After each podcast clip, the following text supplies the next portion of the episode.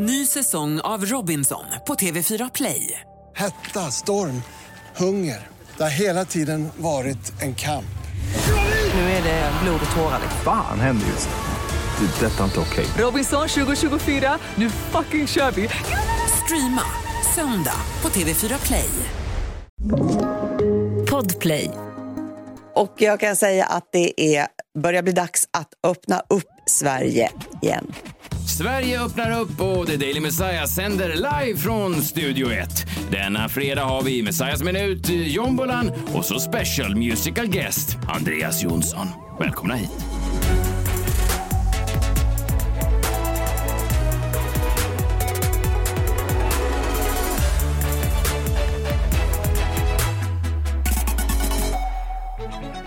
Är fredag hörni. Jag heter som vanligt Messiah Hallberg. Klara Doktorow. Jan Welander Lambrell. Kul att se er alla i studion. John, du har ju varit med mig i studion ett tag. Klara Doktor, fint att se dig. Mm. Gravid och eh, på hugget, men du tog dig in hela vägen. Bra. Jag tog mig in. Ja, men bra, men det verkar ju tuffare och tuffare. Du inte... Det är tufft. Ja. Det är tufft. Jag är så jävla ont i svanskotan. Ja. Sen igår eftermiddag så, så checkade jag in på Yasuragi. Ja, Jag ska tillbaka dit nu. Efter det här. Bubbla i en bubbelpool. Och försöka värma upp min jävla svanskote som har foglossning. Men du åker alltså mellan Yasuragi och poddstudion? Ja, idag gör jag det. Det är, ja, det är ju ändå fint. Tidigt igår morse så var det ju då eh, pressträff. Magdalena Andersson, vår statsminister, sa, eh, John, och då var du väl glad, att restriktionerna äntligen skulle lätta. Men jag var jätteglad. Är inte ni jätteglada? Ja, Ja. Men, men alltså jag är så svårt att tro det. Kommer det bara innebära som i ett trollslag att folk slutar använda ansiktsmasker och att man måste ha handsprit och man får vara max fyra personer på en buffé och sådär. Fyra personer på en buffé. Är det, har, du, har den begränsat dig mest? Det var så i alla fall på Yasuragi tebuffé. Okej. Alltså förlåt, jag, jag har fått så mycket skäll nu. Bara. Jag har varit där ett dygn och jag har fått så mycket skäll för att jag har min mobiltelefon. För tydligen så är det en mobilfri zon. Men, men Yasuragi är helvetet på jorden. Jag hatar det. Det man får inte, man, man, sa får inte, man inte får inte ha mobil. Man blir inte mätt från att servera bara japansk kost som är äcklig. eh, och om man går ner till receptionen och ber att få köpa en Marabou chokladkaka så tittar de på en som något som katten har släpat in. Just det. Här äter vi inte choklad och så gör de en sån där japansk bugning. Så bara, du är ju framför Fagersta, sluta. Men jag undrar också hur många hotellreceptioner man kan gå ner till och säga kan jag få köpa en Marabou Alla, chokladkaka? alla, alla. De Men hade inte, Marabou där. Men jag, alltså det såg, den såg dammig ut för det är ingen som vågar köpa den. nej, för att det är ett jävla hälsokost-freakcenter. Jag tycker också det är roligt för jag kommer ha liksom tre veckor kvar av min graviditet och så står det en snubbe där och jag bara, men har ni något snacks och sådär om man är hungrig? Han bara, nej jag vet inte, säger han. Och då vet jag ju att de har ju en avdelning som bara är så frukt och te, Ja, buffé. ja, ja. Och sen så får jag mitt rumsnummer och så börjar jag knata mot det här rummet. Mhm. Och jag knatar, jag knatar, jag, jag räknar stegen. Alltså det var 3000 steg till mitt hotellrum. Och då är det ändå så här, jag har problem nu med foglossning, jag har sammandragningar och allt det där. Och han ger mig, den höggravida kvinnan, rummet absolut längst bort från allt det andra. Alltså det var kilometer bort. Det borde du kunna säga till dem i och för sig. Ja. Ja. Jag har inte orkat gjort det, men jag kanske ska göra det nu. Ja, verkligen. Jag vet, min pappa på slutet av sitt liv, eh, nu jämför jag inte er i övrigt, men, men eh, ofta när man, bodde på, när man bodde på hotell med honom så kunde han bli jävligt upprörd över det där också, att man var tvungen att gå långt. På vissa sådana gamla stadshotell var det långa korridorer, långt åt helvete. Så då sa jag ofta, då vill jag ha rummet precis vid hissen. Ja, Eh, och, precis. ja, mm, nej, det vill man ju ha. mm, mm. Ja. Så att det är väl lite, finns det någon likhet där mellan gravida kvinnor och snart döda gamla män?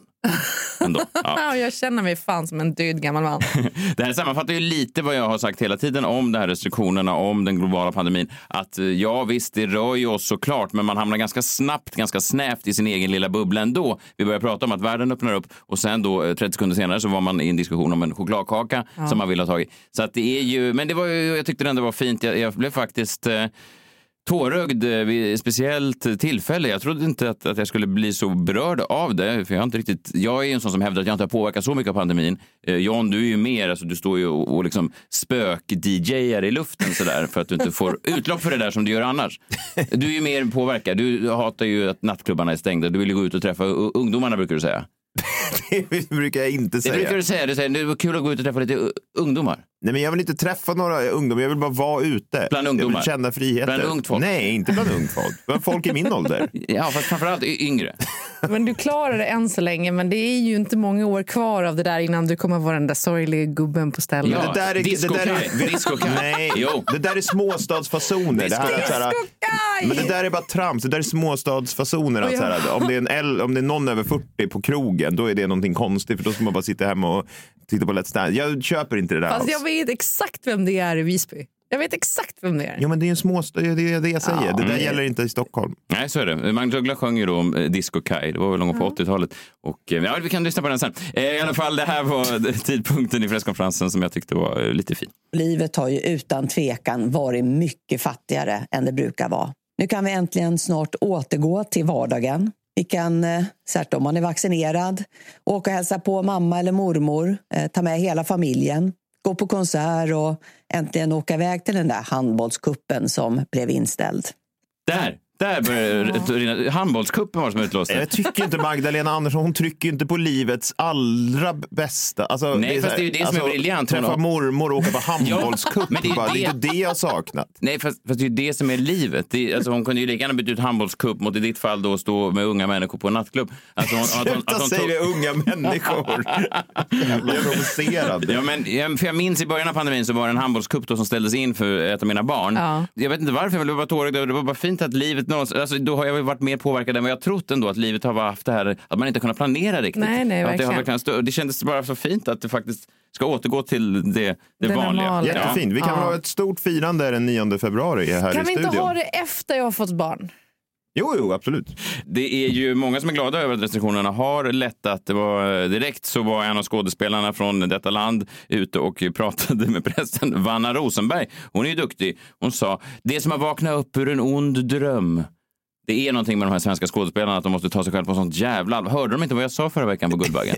Ja. Som en ond dröm. Nu Och vad är det nu som ska hända? Alltså, ja, jag förstår. Men också, de blir inte heller lutt. Alltså, man blir ju lite luttrad. Vi hade ju den här frihetsdagen den 29 september. Det här är ju frihetsdag nummer två. Det är, du, Ja, men- det är du och Boris Johnson. Ja, men jag gillade det. Ja, men, man, man, man blir Han gillar lutt- också att festa med unga människor. Ja, jag, ja, men John. Boris Johnson, part, alltså, go. Ja, han har det ju jobbigt nu. Ja, vad fan. Du Låt tänker- honom festa. Ja, det tänker du. Låt honom festa. Jo, men låt alla festa. Men du har ju å andra sidan inte något ansvar. Det har ju Boris Johnson. Han har ju ansvar för ett helt land. Ja, ibland känns det som även jag har det. Någon annan som har ansvar för, eh, ja, kanske inte så mycket än, men hon hoppas väl få det efter valet i höst. Eh, Nyamko Sabuni, Liberalernas eh, partiledare, hon blev intervjuad i, i DN i torsdags och det blev inte så bra. Så hon var tvungen då att skicka ut ett sms här igår till hela partiet. Alla fick då ett personligt sms där det stod Vänner, intervjun i DN blev inte bra. Det blev pannkaka rätt ut sagt. Pannkaka vill man ju inte eh, Det ska sammanfatta. bli. Nej, generellt sett vill man ju inte att, att någonting ska bli eh, pannkaka. Eh, och eh, däremot Pärleros, eh, vår vän från Framgångspodden, och, han har då inte sagt att någonting blev pannkaka. Tvärtom har han gått ut och sagt att han tyckte att det var kanon att de stod upp för yttrandefriheten. Så det är väl eh, olika alltså- skolor. Jag är så jävla irriterad på den där smilfinken Pärleros. Ja, jag, jag såg det, jag vill inte ha någon stämning mot det. Jag såg att du skrev på eh, sociala medier. Ja, men han, eh, han ska ju få en researcher nu. Vi pratade väl om det, att han ska få en researcher på sitt nya poddhus. Mm. Och det behöver han ju verkligen, för att han verkar ju inte ens ha förstått att gravid är en riskgrupp. För han sa ju i intervjun med Aftonbladet att man tyckte att riskgrupper och äldre ska vaccinera sig. Mm. Men inte gravida. Gravida är en riskgrupp din jävla dumjöns. Mm, Ja, det kan ju vi skriva under på. Här i studion.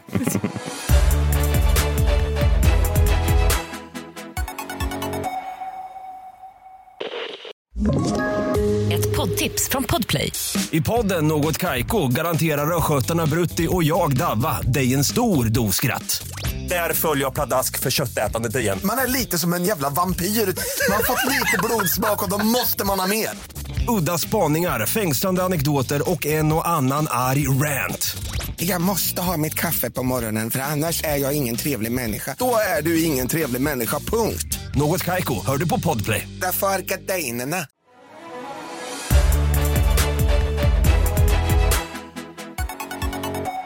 Ni vet, varje fredag så brukar jag ju, eh, ja det vill jag och hela min familj egentligen, vi äter ju den här mexikanska specialiteten eh, tazos. Eh, Det är då, ja, det är nötfärs och det är olika bröd och sådär, så det är lite grönsaker. Det är väldigt gott, ibland lite starkt så man får vara lite försiktig så man inte bränner sig. Eh, Men då har vi en, eh, en vän här på våra sociala medier, Magnus, som har eh, flera gånger, han är någon slags kock tror jag, han har sagt, eh, på tal om tacos, eh, du måste lyssna på den här låten. Det är då en låt som heter Sal y Pereira med en artist som heter Setch. Jag har inte lyssnat på den här, men ska vi, ska vi klicka igång den? Jag vet inte riktigt vad den är. Alltså, känner ni till artisten Setch? Nej. Nej, det är någon puertoricansk artist. Vi kan lyssna, jag vet inte ens vad det här är, eh, men jag tog fram eh, låten här. Ella no quiere la corona en la cabeza, ella la quiere en el vaso. Amor le dio batazos. Va? Y si le invitan a salir, dice paso. Oj! Otroligt! Det är alltså, jag har haft rätt hela tiden, att det då är ett, eh, ett spanskt eh, ord då, tazos. Men vet Nej, vi att det är... Vad Alltså, betyder det? det kan ju betyda något helt annat. Ja, vi kan lyssna en gång till. Jag vet ju inte, jag kan ju inte så bra på just eh, spanska. Men Och vad det... rimmar han det på sen? Dio batazos. Åh, vad gott det ska bli med tazos! Men säger vad han. rimmade han det på sen? Det spelar ingen roll, han sa vad gott. Det är så gott med tassos i alla dess smaker. är någon En miljon tassos och en miljon smaker. Messiah testar alla tassos som finns. Hej! Hej! Fredag 4 februari 2022. Då tar jag och min familj och plockar fram den rökta chilipasten med hemmarökt chili. Där har ni det. Det är så gott med tassos i alla dess smaker. En miljon tassos och en miljon smaker. Messiah testar alla tassos som finns. Hej! Hej, hemmarökt ska den vara. Jag vill, jag vill bara, följdfråga. Hur röker man chili? Eh, ja, på en plåt, 200 grader, vips in i ugnen. Jo. Så rök- Jo, vips in det, i. det där är ju ugnsbak i chili. måste jag säga. Ja, man röker upp den med en eh, så kallad smoker. Det blir märkligare och märkligare det här. Verkligen inte. Vad säger du, Setch? Ja. Där har du den. Mm, Elimania tassos. Det är i och för sig ganska mysigt. Vad det betyder känns... Vad gott det ska bli. Det betyder hemmarökt. Nej, vad gott det ska bli med. Ja,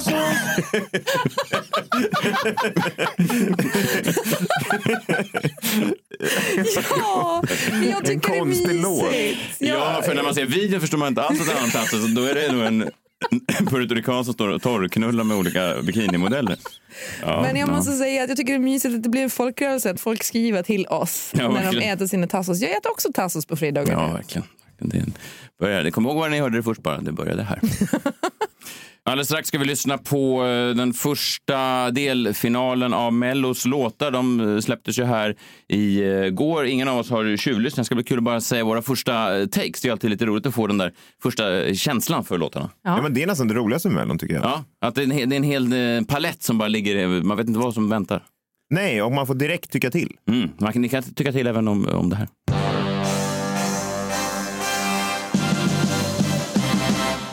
Sveriges minut. Okej då, jag har lite åsikter om en kulturartikel som jag läste i tidningen. Stäng inte av för det kan bli eh, kul ändå. Kulturartiklar är ofta ganska tråkiga. Men det här var någonting som eh, jag tyckte var intressant. Den skrevs i Aftonbladet av en eh, kvinna som heter Niosha Shams. Och hon pratade om filmen Encanto. John, det är, nu får du stänga av öronen John, för det är en, det är en barnfilm. Jag älskar den. Eh, Ja, ja, mm, fin film. Du kanske har hört eh, den här låten, den kommer därifrån. We don't talk about Bruno, no, no. Vad säger du John? We don't talk about Vad ska jag säga? Har du hört den här? Nej. We don't talk about... It was my wedding day. Ja. Ja, den är så Eh, bra. Ja, det, det, vi kan väl komma till det. Jag såg den här, den kom ju på julafton, jag såg den med min eh, familj då. Hon har då skrivit eh, flera långa texter för att hon är inte är nöjd med hur svenska kritiker har recenserat den här. Hon har då, som jag förstår det, någon slags eh, ska man säga, tolkningsföreträde kanske. Eller en, eh, hon kan i alla fall själv hävda då att hon har en, en större rätt att recensera den eller att hon i alla fall har en bättre ingång till att recensera den. Är hon colombian? Jag, jag vågar inte uttala mig om ursprunget, men hon hävdar i alla fall att det finns vita eh, svenska kulturkritiker som så att säga avfärdar den här filmen lite för lätt för att de då kan inte känna igen sig alls i den här filmens handling och så vidare. Hon såg Encanto, en resa i magisk realism, en colombiansk historia om kollektivism och familjekärlek. Jag blev förälskad i musiken, relationernas komplexitet och berättelsen om att en hel by tillsammans bygger ett magiskt hus. Till min förvåning verkar den svenska kritikerkåren inte hålla med mig alls. Eh, DNs Sebastian Lindvall kallar filmen för familjerådgivning snarare än familjeunderhållning. Men det är ju det den är. Det är en läkande film för familjer där systrar behöver axla allt för stora tyngder, där skräcken för att misslyckas och inte kunna ge sina barn det de förtjänar skapar sprickor i fasaden. Eh, ja, och med en ensamstående mamma som har trauma från flykt och så vidare. Eh, de svenska recensionerna är eniga. Filmen är tråkig och handlar om problem som vi alla går igenom. Det är inget att sjunga eller dansa för. Hur kan då det svenska mottagandet av filmen skilja sig så från det amerikanska? Behöver recensenten själv stå nära berättelsen för att kunna skriva rättvist om den? Då eh, berättar hon då om en man som heter José Maria Luna. Han skrev om filmen och han har då en colombiansk eh, mans ögon och då förklarar filmens metaforer och läkande krafter. Att det är då en mer Ska man säga en mer värdig recension än den här eh, tråkiga eh, vita killen på DN som skriver om att den var tråkig. Jag förstår, hon recenserar recensenterna.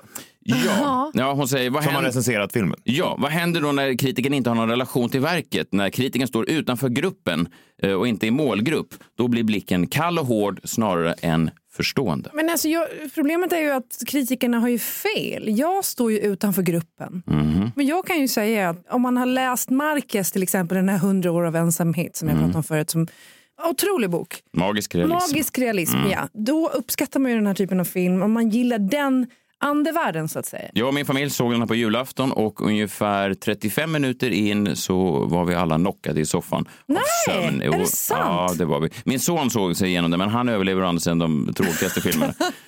Det här var liksom någonting nytt och någonting spännande, någonting som jag tyckte slog an liksom en klang djupt in i Ja, men mig. vad fint. Då delar ju du eh, åsikt här med, med Neosha Shams. Eh, sen var hon ute och skrev här i, igår i Aftonbladet en uppföljning. För folk har ju såklart, massa kulturkritiker har då svarat på kulturkritikerns recension av andra recensenter som recenserar en film. Mhm. Och nu har hon då svarat om Oj, kritikerna ja. på hennes egen kritik av Kritiken. kritiken. Mot kritiken. Ja, precis. Eh, då skrev hon, nej, ni får läsa och skriva precis om vad ni vill. Det är intressant det här att jag har inte en enda gång i min text slagit fast vem som ska få recensera vad. Aldrig har jag skrivit att vita bara ska få recensera vita. Men tycker jag att det har värde att dela de erfarenheter som beskrivits i verket man recenserar.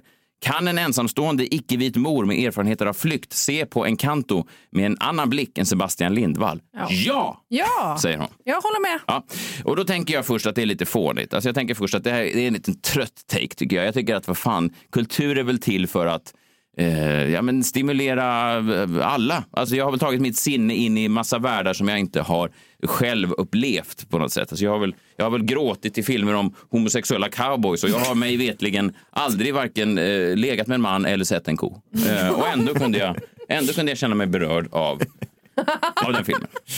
Ja. Det här var min ingång då i, i det här. Men sen så har jag då under veckan eh, varit eh, digital besökare på Göteborgs filmfestival och de har ju massa olika filmer och jag har eh, försökt se så många jag kunnat och jag vet inte om jag börjar ändra uppfattning för att här är några exempel då på filmer som jag har sett just för att visa att jag är en ganska progressiv kille. Alltså jag behöver inte, det behöver inte vara filmer om vita medelålders komiker för att jag ska haja till. Okej.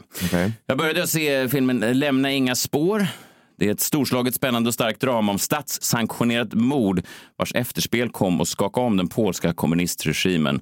Studenten Gregorz Przemyk mördades av polisen i ett häkte i Warszawa 1983. Där är då Jan P. Matuszynskis imponerande drama Polens Oscarsbidrag. Den är 160 minuter lång. Efter 15 minuter hade jag somnat. Sen gick jag vidare till Private Desert. Den är från Brasilien. Det handlar om en machopolis med relationsproblem som ger sig ut på en resa genom Brasilien för att söka upp sin nätflört och tvingas omvärdera både sina konservativa värderingar och sig själv. Daniel är avstängd från jobbet för en utredning om övervåld. Hans pappas demens blir bara värre och hans syster har precis berättat att hon är homosexuell. Eh, Den här tog jag mig igenom 90 minuter innan jag somnade. Sen såg jag filmen Kapten Volkov. Vadå? minuter? Ja. Det är ju skitlänge, Ja. inte det hela filmen? Nej, den var 120. Ja. Sen skulle jag ta med en om en sovjetisk film. Jag trodde att Sovjet hade gått under, men tydligen inte. Jag såg då filmen Kapten Volkogonov har rymt. Det är en högoktanig jaktthriller om ett avhoppat råskinn i den sovjetiska säkerhetstjänsten som desperat försöker undkomma sitt helvetiska öde i 1930-talets Leningrad. Eh, Den såg jag faktiskt klart, 126 minuter, men eh, mitt ena ben hade somnat. Så att, eh, och sen avslutade jag då igår med att se filmen Farah för grejen är, jag blir också lite påverkad. Jag tänker också att det här är ju, fan, det här är ju uselt av mig. Alltså, att jag inte kan relatera alls till varken de sovjetiska underrättelsetjänsterna eller den brasilianska och homosexuella mannen. Så då såg jag filmen Farah. Då tänkte jag det här är en film från Jordanien. Det här kan i alla fall tilltala mig. Ja. Eh, Det är då 1948 års Palestinakonflikt som ses genom en inlåst 14-årig flickas ögon i ett imponerande koncentrerat drama. I en liten by i Palestina drömmer Farah om att studera i staden med bästisen Farida. Men som 14-åring 48 ser det inte så ljust ut. Flickor i hennes ålder blir bortgifta. Allt förändras och när byn utsätts för ett våldsamt terrorangrepp blir Farah tyvärr inlåst i ett skafferi och kan inte göra någonting annat än att i absolut tysthet iaktta det ofattbara genom glipor i dörren. Det är då jordanskan Darin J. Salams eh, omtalade långfilmsdebut baserad på en verklig händelse. Och jag ska eh, eh säga att jag eh, såg eh, inte jättemycket av den här. Jag såg den igår kväll och det slutade med att min fru knackade mig på huvudet och sa jag tror att du somnade. Eh, så att eh, jag, jag, jag, jag vet inte, jag börjar omvärdera eh, min slutsats. Kanske hade hon som skrev i Aftonbladet en poäng. Kanske finns det någonting i det här ändå, att vi inte riktigt gör recensionerna rättvisa om vi inte kan eh, känna någonting för det som sker i, Ja. i filmerna. Svårt att hitta recensenter till alla de här filmerna. Alltså, Ja. Var ska man hitta dem? Den här ryska spionen, den 14-åriga flickan, Nej, eh, nej, den nej. brasilianska homosexuella. Alltså, det är liksom, ja. Nej, det är Vilken ett- tidning jobbar de på? Nej, men det är precis, det är som en, någon slags kritikernas motsvarighet till Village People. att de går runt så bara, ta in urinvånaren. Alla tre filmer här måste se klart. Ambulerande recensenter. ja. Ja. Ja, nej, men hon kan ha en poäng i att de bästa filmrecensenterna troligtvis inte är de sovande filmrecensenterna. Där kan de vara något på spår.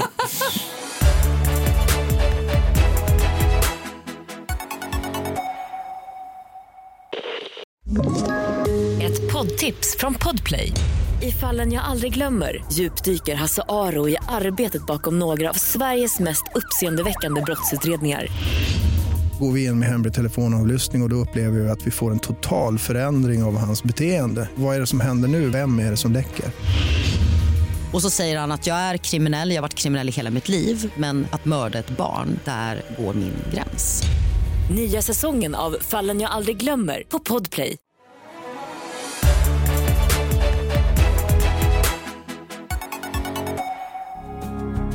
Nu är det dags för Jombolan.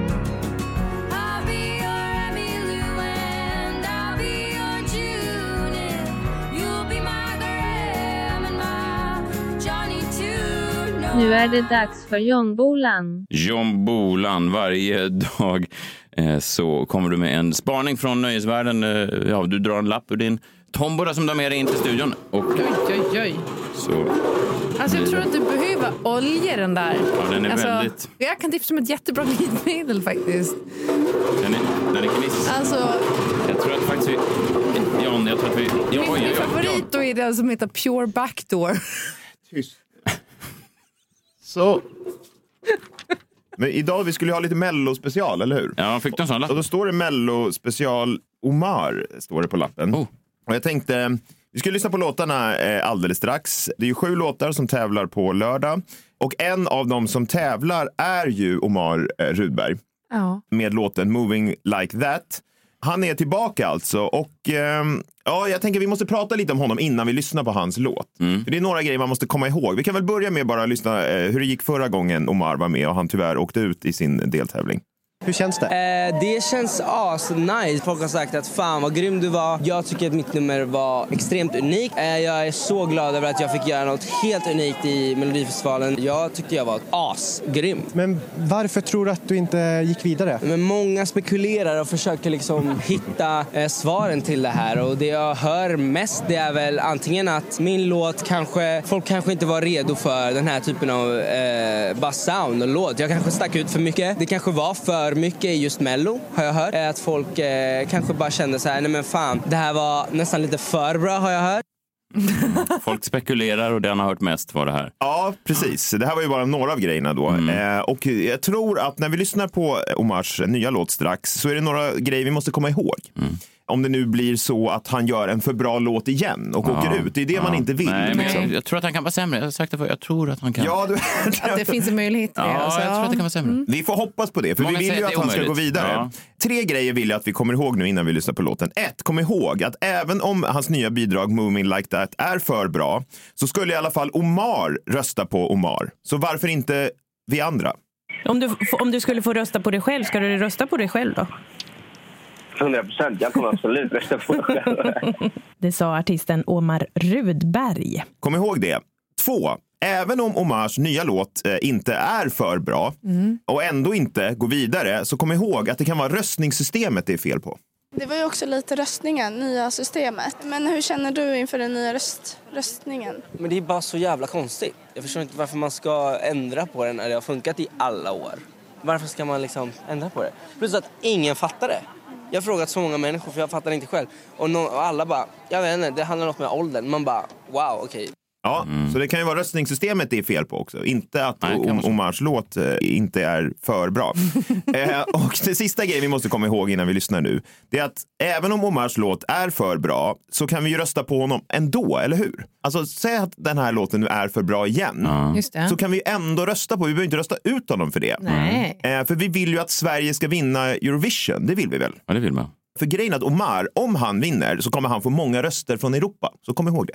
Nej, men kan vi vara öppna och ärliga med det här? Om jag vinner så kommer vi få mycket gratis röster till Sverige, så kan jag säga. så eh, jag tycker alla kan ha det in mind. Kom ihåg det, vi kommer få många gratisröster i Eurovision om Gud, Omar vinner. Jag vill verkligen ha Omars självförtroende.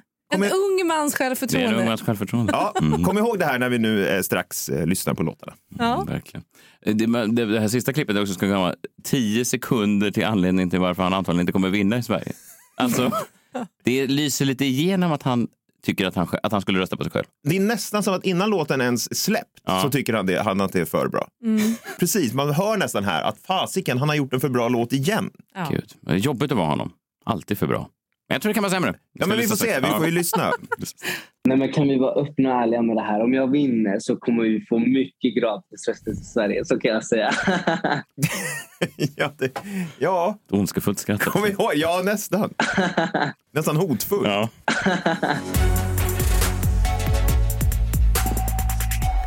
På lördag drar det igång då första deltävlingen av Mello är i eh, Globen, eh, Avicii Arena. Avicii Arena, vad säger man? Avicii Arena. Ja. Ericsson Globe säger man. Nej, jag Nej det gör man inte. Man måste hedra, Det var ju hedra honom. man hedrar ju Tim Bergling genom Ja, den här absolut. Globen. Då. Ja. Fint. Ja, det är väl... Det är Vem bryr sig om Ericsson? John, du har helt brunnit lite för Ericsson, men Har du fortfarande aktier? Jag hoppas att de ska gå upp nu när Mellon drar igång. De har gått ner i tio år. Det finns ju ingen som är mer exalterad eller erigerad eh, just för den här tiden på året än Aftonbladets eh, nöjesprofil Tobbe Ek, en av Sveriges främsta nöjesprofiler. Mannen med, med kepsen på svaj, ni vet. Mm. Vi är gamla kollegor, ska vara transparent med det. Så att jag gillar ju Tobbe. Han var med här på eh, SVTs eh, morgonprogram och pratade om vad är den stora snackisen nu inför första deltävlingen.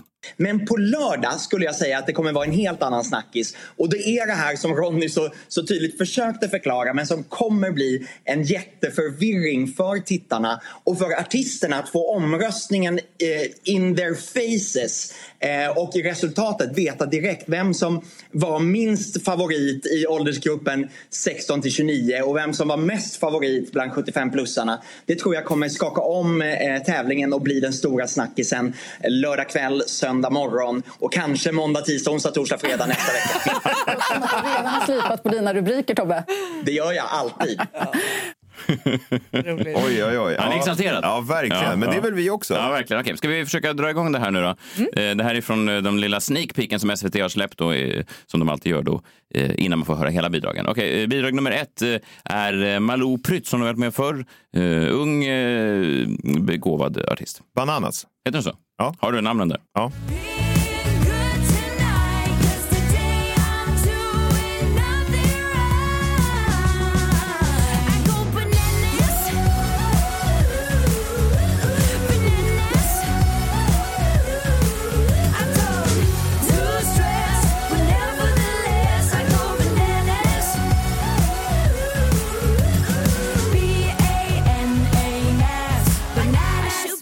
Det här lät ju nästan som eh, Maja i The Sounds möter Linda i Lambretta. Några, några aktuella referenser.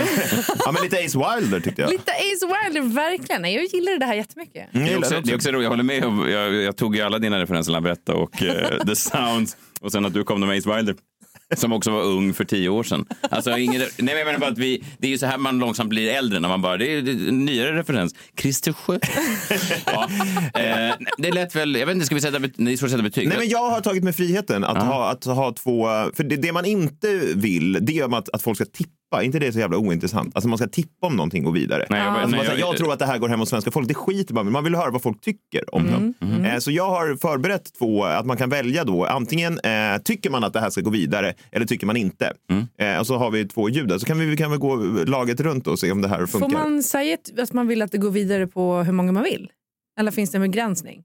Har du tänkt över den här leken? Eller som när du spelade... fast annars är det Nej, hur många betta. man vill. Men kan du hålla upp ett för vidare och då trycker du på vidare och sen två för inte vidare och då trycker du på två på ej vidare. Jag skriver upp här. Du kanske bara kan ha Två. vidare Ej vidare. så här.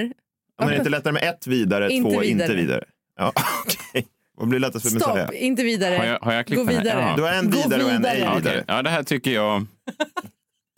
are the winners of Eurovision. We we are,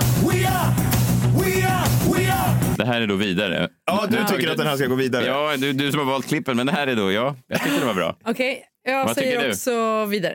Ja, men du ska inte säga vidare, du ska bara säga. Ska man peka som fingret? att du trycker på... Okej, Are the winners of Eurovision. We are, we are, we are, we are.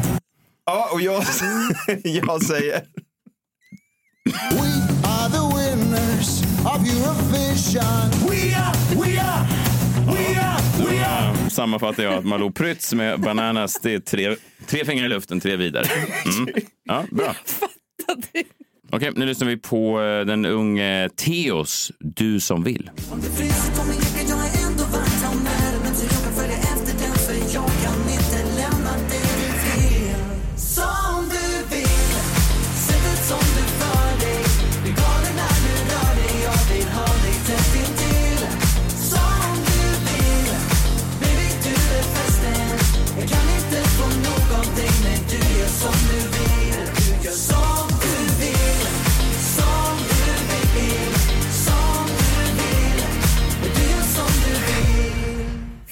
Ju som någon slags nästan övergreppslåt.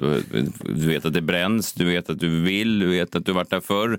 Eh, Te- Theos är ju också, man ska veta det, han är ju en sån här, han har ju otroligt många barn. Som min, min son gillade Theos Ja. eh, under många år. Så det är lite obehagligt tycker jag när de, när de kommer i det här pubertala stadiet, de här barnstjärnorna. Mm. Att de plötsligt ska börja så här ragga och just det. Vad sexualisera Ja, lite typ. sexuell innuendo och sådär. Han är säkert, jag vet inte hur gammal han är nu, men han är ju säkert liksom eh, mogen för det. Men jag tänker att det är lite, jag vill inte att min son går och nynnar på de här sex visorna till oss. Så att eh, tyvärr, eh, mitt betyg blir...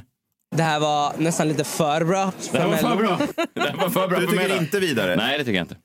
Ja, men det är också det är någonting med det här som eh, barnen kommer att gilla det. Betty, min, min tioåring, kommer att gilla det. Men eh, nej, jag, jag säger så här. Det här var nästan lite för bra för Mello. Eh, ja, det är... Fan, svårt alltså. Jag tycker jag skulle behöva höra hela låten. Eh, jag är lite mix här, men... Eh, mm, ja, men då säger jag... We are the winners of Eurovision. We are, we are, we are. Hur nöjd var du när du kom på de här ljuden? Gud, det känns som att du vaknade i en feberdröm och sa jag har det! Det är mycket bra. Mycket bra. Jag gillar det. Nu är det dags för eh, en eh, veteran, Shirley Clamp. Oh. Let there be angels. Let there be angels. Stars across the sky. Let there be angels. Never give up, never give in. Turning the pages. We got a chance to make things right.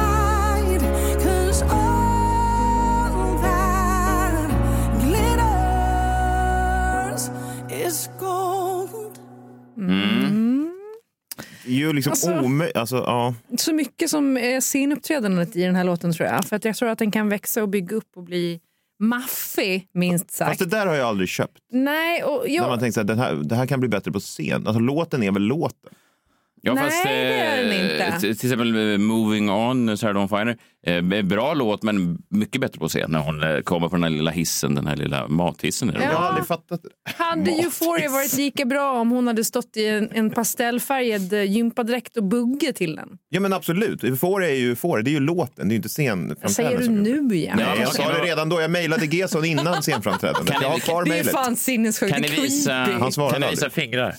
Okej, ja, men jag, jag säger ändå så här. Det här var nästan lite för bra för Mello.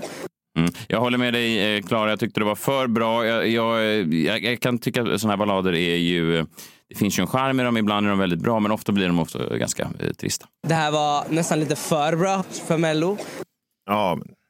Det här var nästan lite för bra för Mello. Mm, nej då, Shirley Clamp, det var tyvärr eh, för bra för Mello, men det kan ju gå bra ändå som Omar har visat tidigare. Vem är det dags för nu då? Är det Omar? Nu är det Omar. Oh. Moving like that. Nu är ni beredda? Åh gud, tänk om det är för bra! Men det får det ju inte vara. Nej. Jag tror att det kan vara sämre.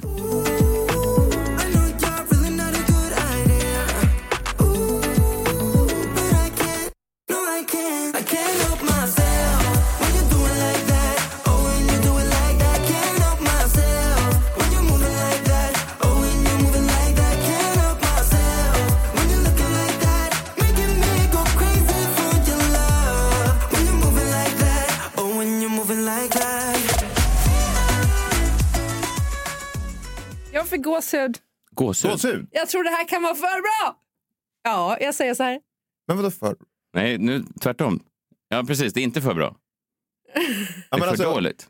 Är det för bra för Mellon? Alltså det, nej, alltså det, det här är det, det, final! are the winners of Eurovision. We we are, we are, we are. Det är ett under att inte SVT låter oss hålla den här preview show. Ja, men jag fattar ingenting! Bara tre dementa programledare som sitter och försöker trycka igång olika klipp. Jag får eh, starka såna här Bruno Mars-vibbar av det här och det gillar jag ej. Eh, så att det är nog för bra. Det här var nästan lite för bra för Mello. Vet ni vad? Jag tror... Eh, fasen, nej, vet, du, hur var nu tävlingsreglerna? Skulle jag säga om det här kommer gå vidare eller om jag personligen tycker att det förtjänar att gå vidare? Du personligen tycker, du ska inte tippa. Ingen är intresserad av att fan tippning. Här förtjänar vi vidare. Man vill veta om Vad du jag tycker. tycker om. Jag Ja. tycker att det här är eh, för bra. Det här var nästan lite för bra för Mello. Men det kommer, gå, vid, men det kommer gå vidare. Men det är uh, asterisk. Jag ska, ja, men det skiter ja, man det i, skiter tror jag. man i. Det skiter man i. Okej. Nästa är en riktig stjärna. Vem är Danne Stråhed? Men du hör ju bara på namnet. Star quality, Danne Stråhed. Stråhed var frontman i Visex mellan 1983 och 1996. Men Han har också släppt soloalbum och haft framgångar på revyscenen i Skåne. Ja, vad har han gjort sedan 96 då? Det vet man inte.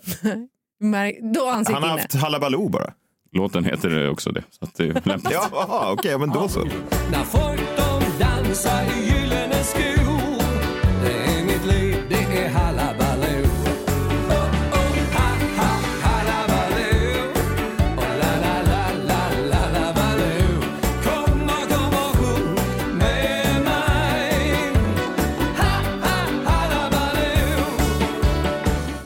Var fint. Bra. Jag gillade det.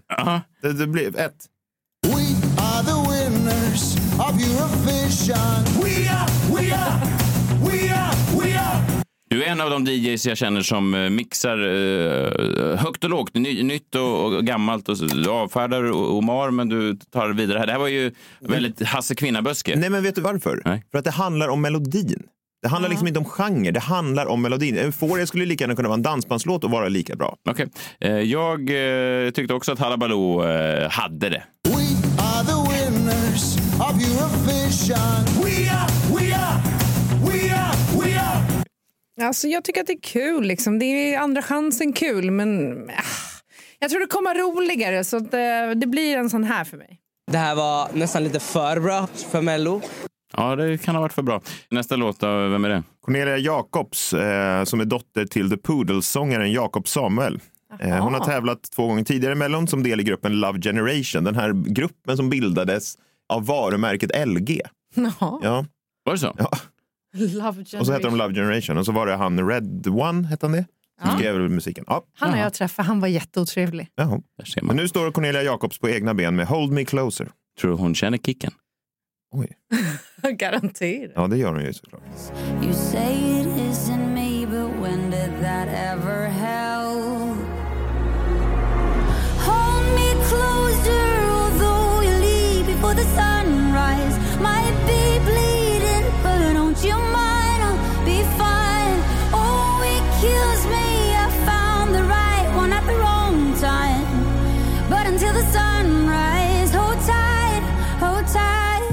Jag anar bara här, nu har jag inte hört hela låten, men jag, jag fick eh, eh, lite gåshud. Eh, Ja. Lite så här en, en, en undangömt B-spår på någon Lana Del Rey-skiva. Eh, bra röst, eh, bra vibrato säger man så, ingen aning. Men eh, det var bra. Då. are the winners of Eurovision. We we are, Sen handlar det om om hon tar kameran på rätt sätt, det vet jag inte. Det handlar ingenting om det. Det, Det handlar handlar, om bara om- melodin. om- det handlar om melodin. Ja, men grejen är den att jag tycker den också påminner lite om den här drivers license som blev ju- Olivia Rodrigo. Rodrigo ja, förra årets uh, typ största låt.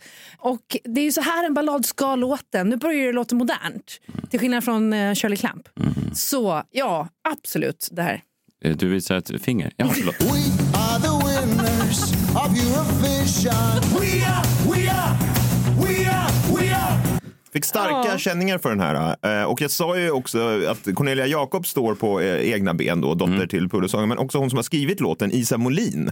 Låtskrivaren, eh, hon står också på egna ben. Hon är dotter till melloveteranen Bobby Ljunggren och skivbolagschefen Maria Molin. Men gud, nu fick jag gåshud igen! Det är alltså Bobby Ljunggrens dotter som har skrivit Ja, låten. ja, men, men, men, men är inte det hon Isa som har varit med i eh, Mello flera gånger själv? Jo, men det visste inte jag var... Nej, det visste inte jag heller, men hon är ju eh, svinduktig låtskrivare. Ja, och Bobby Ja. Ljunggren är ju en, en riktig eh, legendar inom... Intressant att låtskriveri går i eh, DNA. Ja, som det kan. Men det, det, jag tycker det lät riktigt, riktigt bra. Så du ger en upp ett? Are the winners of Eurovision. We are, we Gud, det kan ju finnas risk att någon har fått huvudvärk av det här. Vi ska vara tydliga också med att ljudet vi ger när någon går vidare, det är, om jag inte missminner mig, 2008 års Eurovision, Litauens bidrag. Jag tror 2006 kan det vara. Är det så pass? Jag tror, jag tror att det var samma... samma Ja, 2008 är Piraterna, eh, Litauen också. Ja, the high, high ho, in the high, high ho. We're Det var bound to 2008. be close to Ja, just det, det här var 2006, helt rätt. Bra. Eh, just det. Alltså, ni, att ni har koll på det här. Wow. 2006, LT United, We Are The Winners, Mm. Lithuania. Ja, Visst, vi har fått många brudar genom åren. Nej, det har ni inte. Jo, men vet, när, man, när man kan Litauens bidragsårtal, då, då faller de. Ja, precis. Så behöver man inte göra så mycket mer sen. Okej, sista bidraget, sjunde bidraget. En gammal vinnare, eh, Robin Bengtsson. Han, eh, när han vann då, förra gången så stod han på en sån eh, treadmill. Eh, något löpband.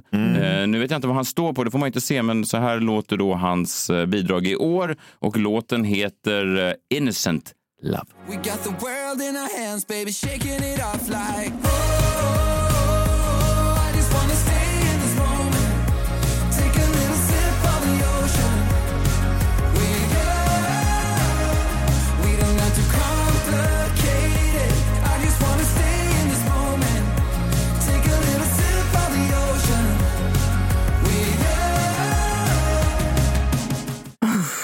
John, eh, jag såg på dig att du började dansa lite grann. Det känns, som, Nej, det det- känns som en John-låt. Ah, men det är Blinding Lights var det ju väldigt likt. Mm. Eh, det var ju Take On Me-bitet. Svävande luft i eh, elektropop. Tyckte av det man hörde från refrängen ingen sån riktig hook. Mm. Wanna stay in this moment. Det var ju fint. Vad- Flygande. Att stanna i ögonblicket. Wanna stay in this moment. Stanna i Du ögonblicket. gillar den texten? Na, na, na, Den, den skickar den här hela vägen till Ja, men- Eurovision. Vad tror du Euphoria är då? Det handlar om melodin! Ja. Förlåt, kan ni visa Förlåt, jag tror att folk även vill ta helgen också. Kan ni visa fingrar? Påminner väldigt mycket om ett helgbarn som vi hade som hade jättesvår autism. Ja. Han stod alltid och stampade i golvet när han blev arg. Så här. Ja, precis.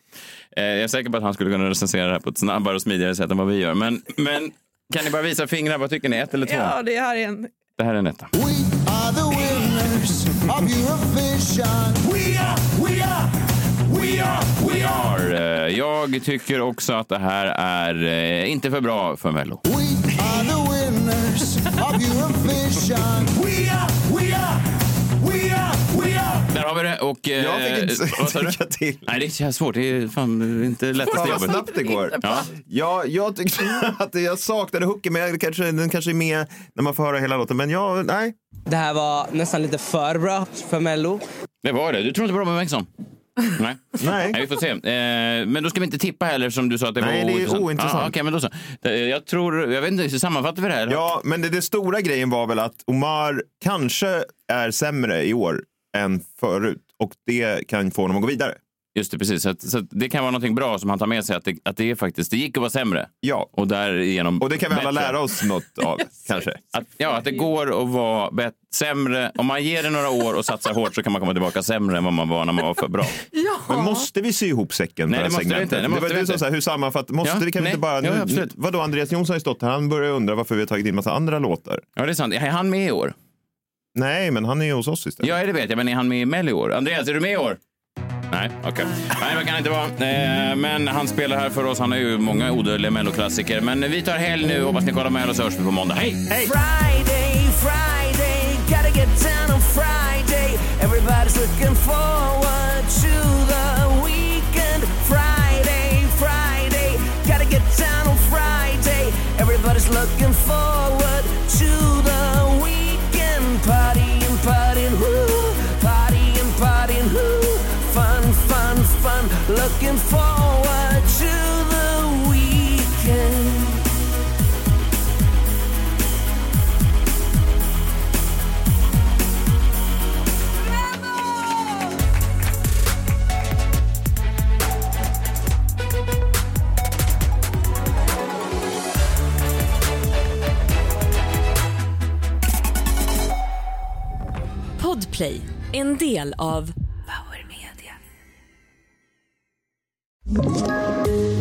poddtips från Podplay. I podden Något Kaiko garanterar östgötarna Brutti och jag, Davva, dig en stor dos skratt. Där följer jag pladask för köttätandet igen. Man är lite som en jävla vampyr. Man har fått lite blodsmak och då måste man ha mer. Udda spaningar, fängslande anekdoter och en och annan arg rant. Jag måste ha mitt kaffe på morgonen för annars är jag ingen trevlig människa. Då är du ingen trevlig människa, punkt. Något Kaiko, hör du på Podplay. Därför är gardinerna.